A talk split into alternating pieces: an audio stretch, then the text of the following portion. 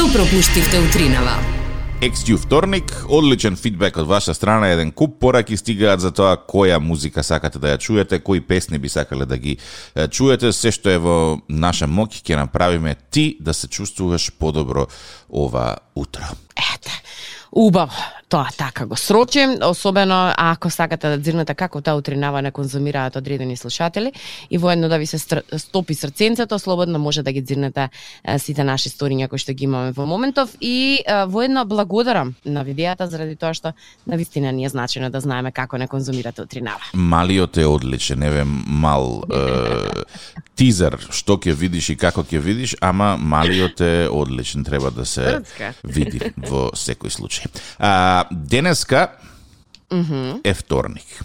Во вторник, вторник да, вторник не е различен, секогаш различен со цел малку да прошараме она типично музиче кое што го слушаме секогаш на ваше барање и екс ю музика од периодот таму 80 и 90 години кога голем дел од вас сечеа вени и џуска на ваква музика. Можам и јас да се пронедам во голем дел од песните кои што ги ќе ги слушаме денеска. Вчера ја гледав плейлистата на Зорка, побара помош, вели дај овие песни, ја не ги знам, дали ти ги знаеш. Јас гледам таму наредено хит до хит, викам, ау, утре има да биде 100% погодок. Така да да не развлекуваме многу удри мајсторе, што би рекле. Радио 2. Добро утро. На тема наречена несоница или потешкоти при заспивање. Mm -hmm. И при разговор со неколку пријателки и едно сручно лице, дојдов да заклучок дека најдобро ќе биде да најдам начин како да ги изгасам сите уреди при заспивање и при тоа да оставам еден кој што ќе емитува благопријатни звуци за твоето уше. Добро, ги има, има такви. Е, ги има. На времето, една од моите обиди вака да заспиам со благопријатни звуци за моето уше, доаѓаше во периодот кога YouTube тестираше реклами во сред видеа и пушташ видео два и пол часа со некој си благопријатен шумски звук и некаде да после 20-та минута излегува екстремно гласна реклама за тотално небитен производ која што не само сакаш да кажеш дека ти си она ши, ши, ши, ши, Да, и одеднаш имаш реклама некоја од оние. Сакате ли да научите странски јазици на чуден акцент амерички? Така што а, после тој шок што го доживеав, реков дека никогаш повеќе нема да користам плейлисти од YouTube. Не заради тоа што не се добри, туку заради тоа што не знаеш во која минута каде ќе свирне некоја реклама која што ќе те распамети, а ти таман си заспа. Леле, тоа е језиво. Тоа е језиво, верувај ми. Заради тоа што самиот шум или звук кој што го има YouTube видеото, значи mm -hmm. треба да е подесено малку погласно да го слушаш. Се замисли на тоа погласно во средината да содржи реклама. Да, језиво. Од таму директно на бајачка. Не се. Реков, кажи ми што ке... слушаш, какви кои ти се омилени звуци да кажам? Е тоа сакам да ти кажам. Вчера реков ајде ќе побарам некоја квалитетна апликација која што ќе ми помогне да заспивам. Со оглед на тоа што нели јас треба рано да заспиам и рано да станам и така како ми е ќе ми биде од помош да речеме некоја таква благопријатна апликација која што нуди можности за разноразни звуци пред заспивање. И е, за некоја среќа добивме на подарок, тоест малиот доби на подарок Bluetooth е, звучник. звучниче, да, да не ти е познат поклон. Познато ми е, да. И реков, ајде ќе го позајмиме, чисто да видиме како ова функционира. Симнав една апликација, која што многу паметно изиграна. Значи имаш точно два звуци вака во слободна верзија, mm -hmm. а точно 368 доколку ја платиш верзијата. Е сега верзијата во моментов не би сакала да ја платам, затоа што се уште ја тестирам. Имено, како звучи мојот, е, мојата спијачка верзија? Да. Се.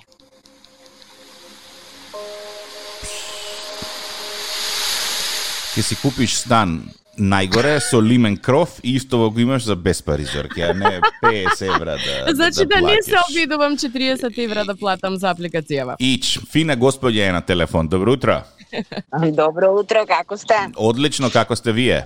Па добро, еве конечно да ви слушнеме гласовите бидејќи ние на истоков од државава не ве слушаме. А, не поправија ли на истокот? Не, не јас на онлайн, само на интернет ве слушаме, инаку не ве слушаме. Тоа е господја да државна институција, знаете како е кај нас. Бараме да не поправат, ама да, се, ја ланзам, ланзам, треба Да. годишни одмори да завршат, да се организира. Ке биде до 2025 ќе проработиме ја. Добро бар ма, да. работи, така да има надеж. Па работи онлайн, ама ни недостасувате друга е кога слушаме вака си, ни почнува денот убаво, ве слушаме, а на Зорка за несоница да ја кажем, нема, ако сте уморни во текој на денот, како што јас сум уморна, не ми треба ништо за заспивање. Само седнувам и заспивам. а некогаш јадејќи можам да пијам. Блазе си ви и ви завидувам. Ба, Да, ма тоа е умор, тик-так, умор. Значи, не 24, туку 48,7. Сакам само една желба, имам да од Тути Фрути Бенд една песна, ако може да додадете на овој убав список денеска. Ке се обидеме, ако ја ископаме, ќе ја пуштиме во секој случај. Фала ти многу што се јави, прекрасен ден. И на вас исто. Убав ден, пријатно. Следен празник кој што со нетрпение го очекуваме, 11 октомври, потоа ни доаѓа 23 октомври и потоа доаѓа 9 декември, па потоа доаѓа 8 декември, извини, па потоа доаѓа јануари. Значи уште три празници до крајов на годинава, што не е лошо.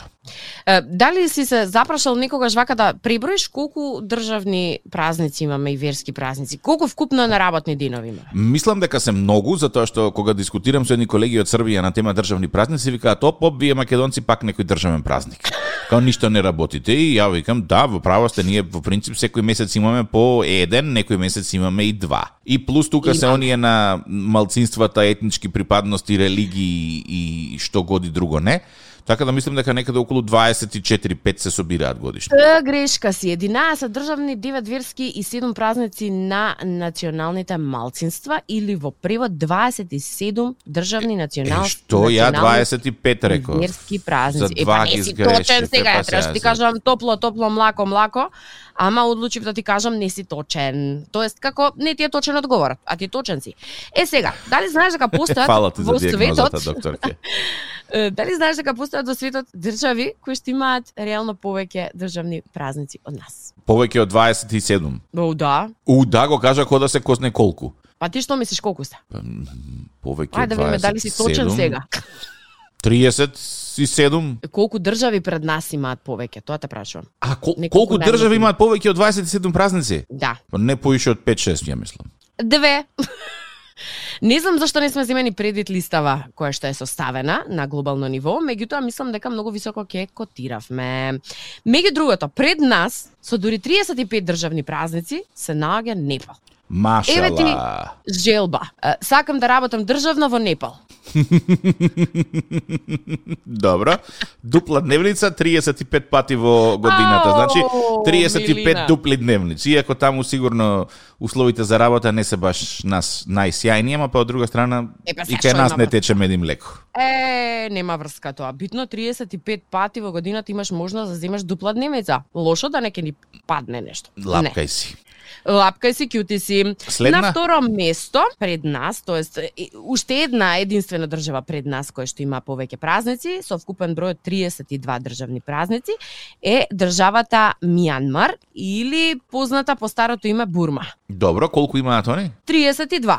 Машала. На трето место се наоѓаме ние, па потоа се наоѓа Иран со 26 државни празници, па Шри Ланка со 25, па Бангладеш со 22, Египет со 22, Камбоџа со 21, Индија со 21, па Колумбија со 18, малку ги скокам да не ви биде досадно, Исланд со 16, Пакистан исто така со 16, Австрија со 14, Чиле со 14, па потоа а, 13 има Полска и Шпанија, 12 Италија и Украина, Машала. Кина 11 и така натаму доаѓаме до Чекај. Најмал број. Добро, колку е најмалиот број? Според овде табелата, ја верувам дека постојат и други држави кои што имаат помалку државни празници, вкупни, вкупниот број на државни празници во Мексико изнесува 8. А така весел народ. Баш мислам дека имаат они многу што да прослават. Гледаш, не сум баш во прав. Не си. Нешто се замисли. Ме, па не, се замислив затоа што прво размислувам според кој критериум ги бирале земјиве И може би излезе на крај дека всушност нашиве не ги земаат предвид за тоа што не се сите државни, туку има и е, религиозни и слично и дека затоа бројката не е може би Ама празник е празник, нели? Па сега, ако така гледаш, празник е, е празник. Да. Според официјалните е, листови кои што ги гледам овде и документи, вели се одбележуваат вкупно 27 државни, запирка национални и верски празници, што значи дека сите тие влегуваат во таа група на празници кои што не се работат или се работат со поголема дневница.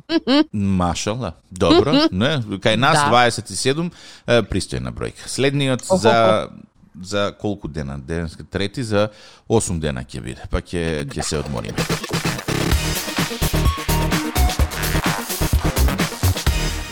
Порталот Тетова Сот објави едно видео од Тетово mm -hmm. во кое што се гледа како од возила на итна помош се истовараат столчиња пред казино е, во Тетово. На видеото се гледа како маж вади опрема за угостителски објект, а не е објавено кога е направена снимката. И јас си размислувам и викам, види, брза помош.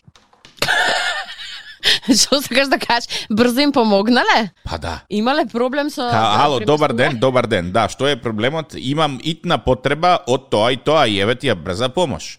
Не знам дали е ова Зорке брендирано или ага. тредмаркирано или заштитено некаде, меѓутоа одлична бизнис идеја лежи во тоа. Например, што се случува? Имаш потреба од нешто во домот, некој дефект, mm -hmm. некој квар, цнк, јави се во брза помош. И веднаш ти доаѓа мајстор. Добар ден, добар ден. Ти се расипуе кола на автопат, ти пука гума, нешто се јавуваш у брза помош, доаѓа мајстор. Добар ден, добар ден. Значи брзата помош е толку многу повеќе од само здравство. Да, се скараш дома, брза помош, те носи одма, доаѓаш со турбичките, чак чак, одиш. Значи за, за широка употреба. Како брзата помош за карање ќе те опре, кажи ми, не. Е па не можам кај ќе носам јас и столчиња и бироа и света тама што сме купиле, па како ќе биде драмски а, ако се скараш? Да се да, за за оцелување правиш муабет. Па за оцелување па да. Ти ќе се вратиш па, ама драмски да биде излечот. така да. Како не ми го потфати ова. Добро? Не, воопшто тоа е голем макотрпен процес, значи тоа баш и не е брза помош, мислам ти тука поевтино ќе поминеш ако најдеш некоја компанија за селење која што да ќе биде ти кој што ќе ти ги заврши сите тие работи, да. Значи за се и се што што ти треба, брза, брза помош. помош. Да. А, не ми текнало на тоа, ма гледаш добро е на човек да му текнат вакви работи, затоа што не знаеш кога што ќе ти притреба. Па и имаше потрчко едно, друго, трето. Не, не, не е толку името не е толку опипливо, фатливо за се и се што. Ти треба А види од друга страна па луѓе викаат викаме па нема, па ги чекаме па едно друго, ама што знам па ја гледаш. Одма дури и маркетинг стратегија имам направено. Ајде. Нашата брза помош никогаш не вели не. Вау! Каква ќе биде логото? не знам. Некој види, ако ако одиме, ако одиме на ако одиме на варијанта на препознатливост на брендови, mm -hmm. тогаш ќе одиме нешто со варијанта да се земе веќе постоечкото лого и малку визуелно да се модификува не. за да асоцира на постоечкото. Значи да кажеме бело така. Така ќе знаат дека нема да дојдат. Не, не. Нешто треба а, што, ново, што викаш, свежо. Треба, да нешто свежо, нешто што досега не е користено. Јас би одела со некое часовниче и комбенце доле или евентуално автомобил или се зависи, па не секоја што треба комбе, некоја што треба мајстор, мајстор може да дое на мотор.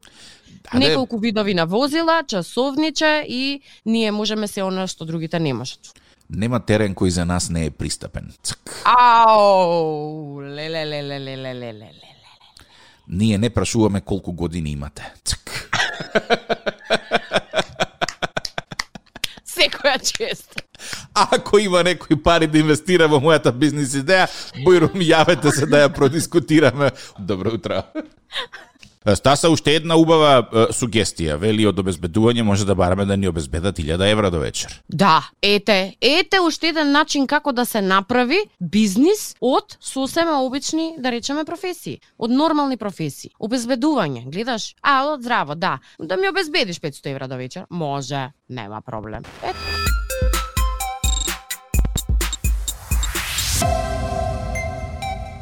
Ето. Тик-так и зорка сме. И едно ново прашање кое што го постави слушател и кое што би сакала да побарам одговор од сите вас заедно, првенствено ќе побарам одговор од TikTok, но ако тој не ми даде, телефонскиот број е отворен за вас да ни дадете ваше размислување на прашањето кое вели вака. Колку пати неделно човек треба да јаде чорба за да стане чорбаџија? Минимум еднаш во неделата. Иако мислам дека терминот чорбаџија треба да се апдейтира со нешто по посоодветно. Затоа што знаеш зошто? А, на времето се јадело леби сол. Добра. а малку побогатите можеле да си приуштат чорба. И тие што јаделе чорби ги викале чорбаджи.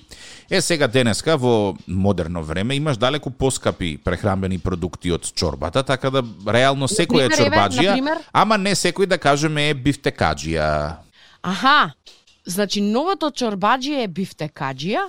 Па може да биде бифтекаджија, може да биде кватроформаджија, може да биде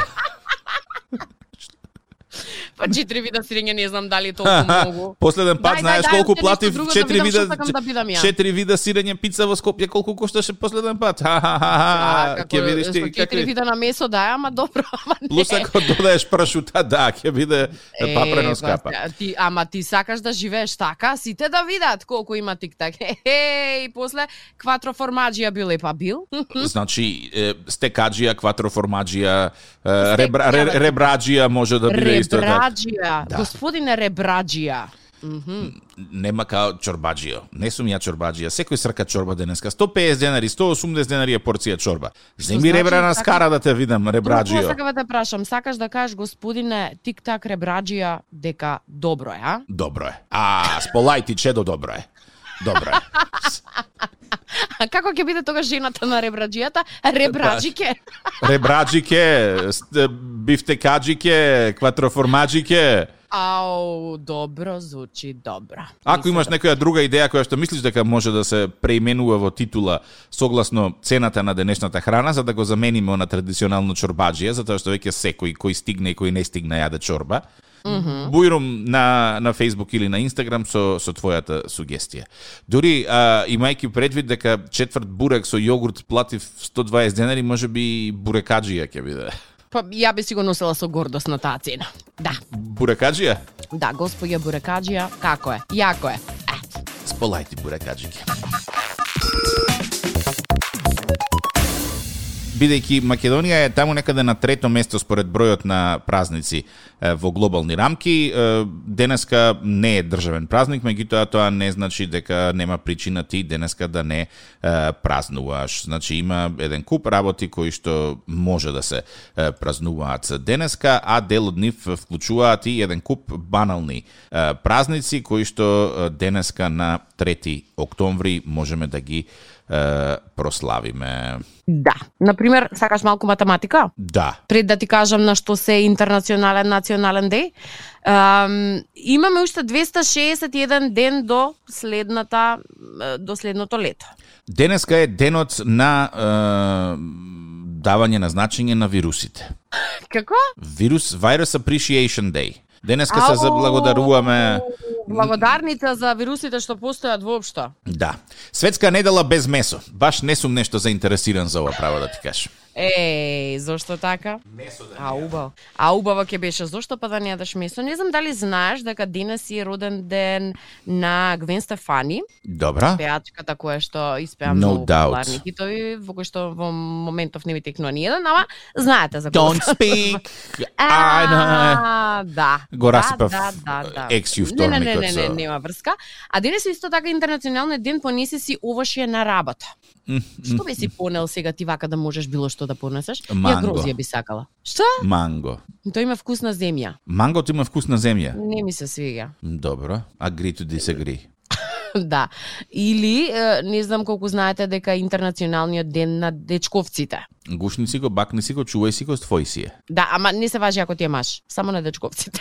А, да, друг ден е, е дефиниран на мажите за е маж. друг ден, да, да, да, да. Ова е за дечковците, така што вие кои што сте во врска долга, кратка, неважно. Денес е вашиот ден да му покажете на вашиот партнер колку многу ви значи или ако ви сгрешил колку многу ви сгрешил. Денес е денот удрете јако. А, денеска исто така денот се збриши од работа 5 минути порано. Охо, се слушаме утре рано наутро во 7:30. Чао. На Радио 2, секој работен ден од 7.30. Будење со Тик-так и Зорка. Во случај на неконтролирано смеење и симптоми на позитивно расположение, консултирайте се со вашиот лекар или фармацевт.